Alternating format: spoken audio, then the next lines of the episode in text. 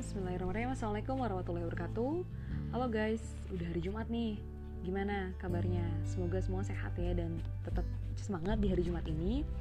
Dan biasanya sebagaimana yang kita biasa jalankan sebagai umat Islam Kita menjalankan beberapa sunnah-sunnah hari Jumat yang mana itu tuh dianjurkan ya untuk dijalankan di hari Jumat. Seperti sholat Jumat bagi uh, yang merupakan kewajiban bagi laki-laki juga termasuk pakai wewangian kemudian juga kita perbanyak sedekah perbanyak sholawat dan juga yang gak kalah pentingnya itu adalah membaca surat Al-Kahfi. Nah dalam di talk podcast kali ini gue mau sharing mengenai mujizat ilmiah dari kisah Al-Kahfi. Nah guys uh, kita kan apa namanya kalau kita flashback ya ke surat Al-Baqarah ayat 1 sampai 2 di situ eh, yang artinya alif lam mim kitab Al-Qur'an ini tidak ada keraguan padanya petunjuk bagi mereka yang bertakwa. Nah, kisah Ashabul Kahfi ini itu diterangkan dengan begitu jelas dalam Al-Quran Surat Al-Kahfi. Tujuan Allah menurunkan Surat Al-Kahfi adalah untuk menjawab tantangan kaum kafir terhadap Nabi Muhammad SAW, guys.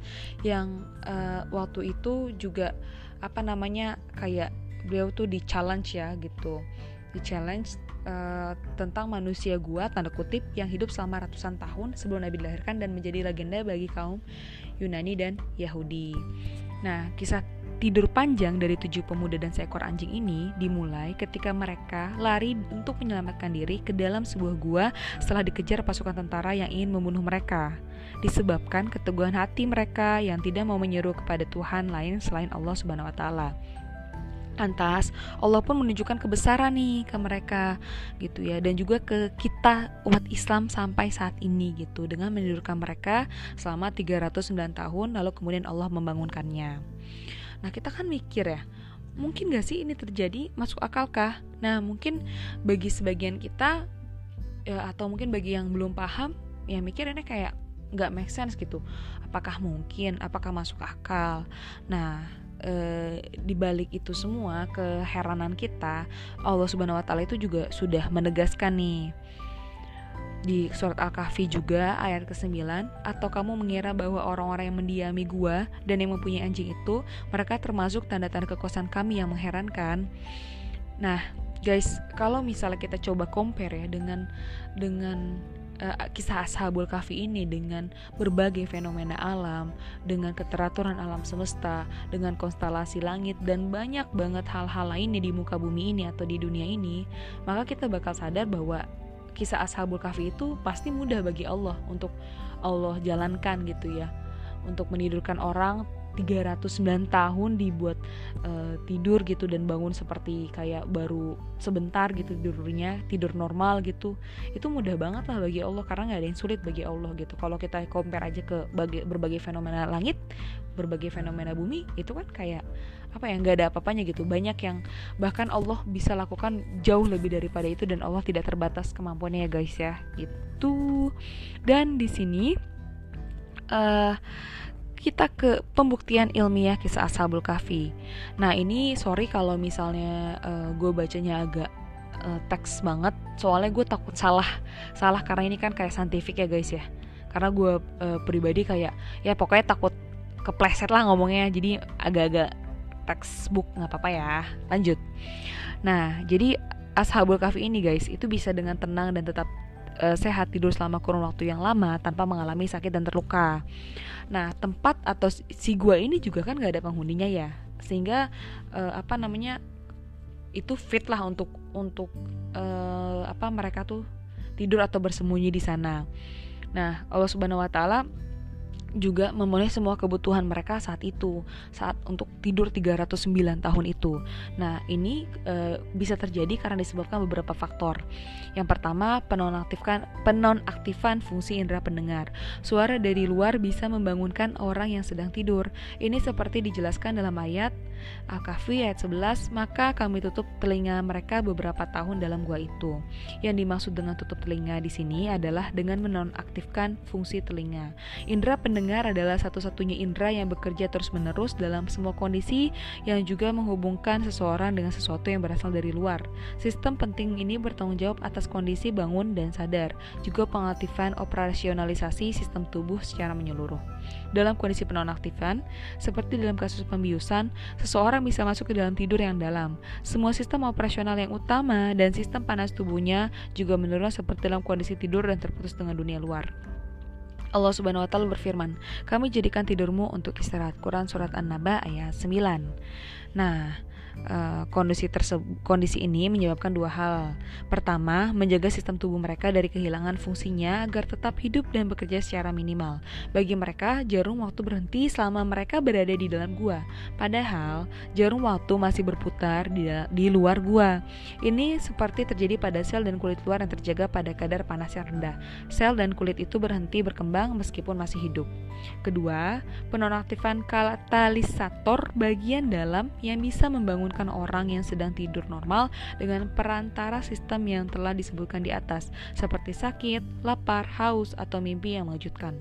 Allah Subhanahu wa taala juga menjaga tubuh mereka dalam keadaan sehat secara medis dan melindunginya baik dalam baik dalam maupun luar dengan cara berikut yaitu yang pertama, membolak-balikan badan secara terus-menerus selama tidur, seperti dalam bunyi ayat Al-Kahfi ayat 18, dan kamu mengira mereka itu bangun padahal mereka tidur, dan kami balik-balikan mereka ke kanan dan ke kiri. Cara ini dilakukan agar tanah tidak memakan tubuh mereka saat tikar membusuk di kulit mereka, juga saat pembuluh darah dan paru-paru menggumpal. Hal inilah yang disarankan oleh kedokteran modern dalam memberikan terapi pasien yang kehilangan kesadaran atau orang-orang yang tidak mampu bergerak karena lumpuh dan yang lain. Yang kedua, tubuh ashab Ashabul Kahfi dan halaman gua menghadap sinar matahari dengan kadar yang seimbang dan memadai di awal dan di akhir siang hari untuk melindungi tubuh mereka dari kadar basah dan keracunan di dalam gua yang gelap seperti dijelaskan dalam ayat Al-Kahfi ayat 17 dan kamu akan melihat matahari ketika terbit condong dari gua mereka ke sebelah kanan dan bila matahari terbenam menjauhi mereka ke sebelah kiri. Nah guys seperti dikatakan secara medis matahari itu paling eh sorry paling lagi penting sekali untuk pembersihan penguatan tulang uh, dan juga kulit manusia dan uh, juga termasuk pembentukan vitamin D melalui kulit dan manfaat lainnya. Al-Qurtubi dalam tafsirnya berkata tentang ayat bila matahari terbenam menjauh mereka ke sebagi, ke sebelah kiri. Maksudnya adalah bagian kiri mereka terkena sengatan matahari. Yang ketiga, uh, mujizat Al-Qur'an bagian dalam gua Ashabul Kahfi jadi ada celah tuh di atas gua yang menghubungkan halaman gua dengan dunia luar. Celah dan halaman itu memungkinkan gua mendapat cukup ventilasi dan cahaya. Ini terlihat dalam firman Allah Subhanahu wa taala sebagai berikut. Di Quran surat Al-Kahfi ayat 17, mereka berada dalam tempat yang luas di dalam gua itu, eh, yang luas dalam gua itu. Itu adalah sebagian dari tanda-tanda kebesaran Allah. Barang siapa yang diberi petunjuk oleh Allah, maka dialah yang mendapat petunjuk. Dan barang siapa disesatkannya, maka kamu tidak akan mendapat petunjuk tidak akan mendapat seorang pemimpin pun yang dapat memberi petunjuk kepadanya. Yang keempat, Allah Subhanahu wa taala melengkapi mereka dengan keamanan dari gangguan apa pun.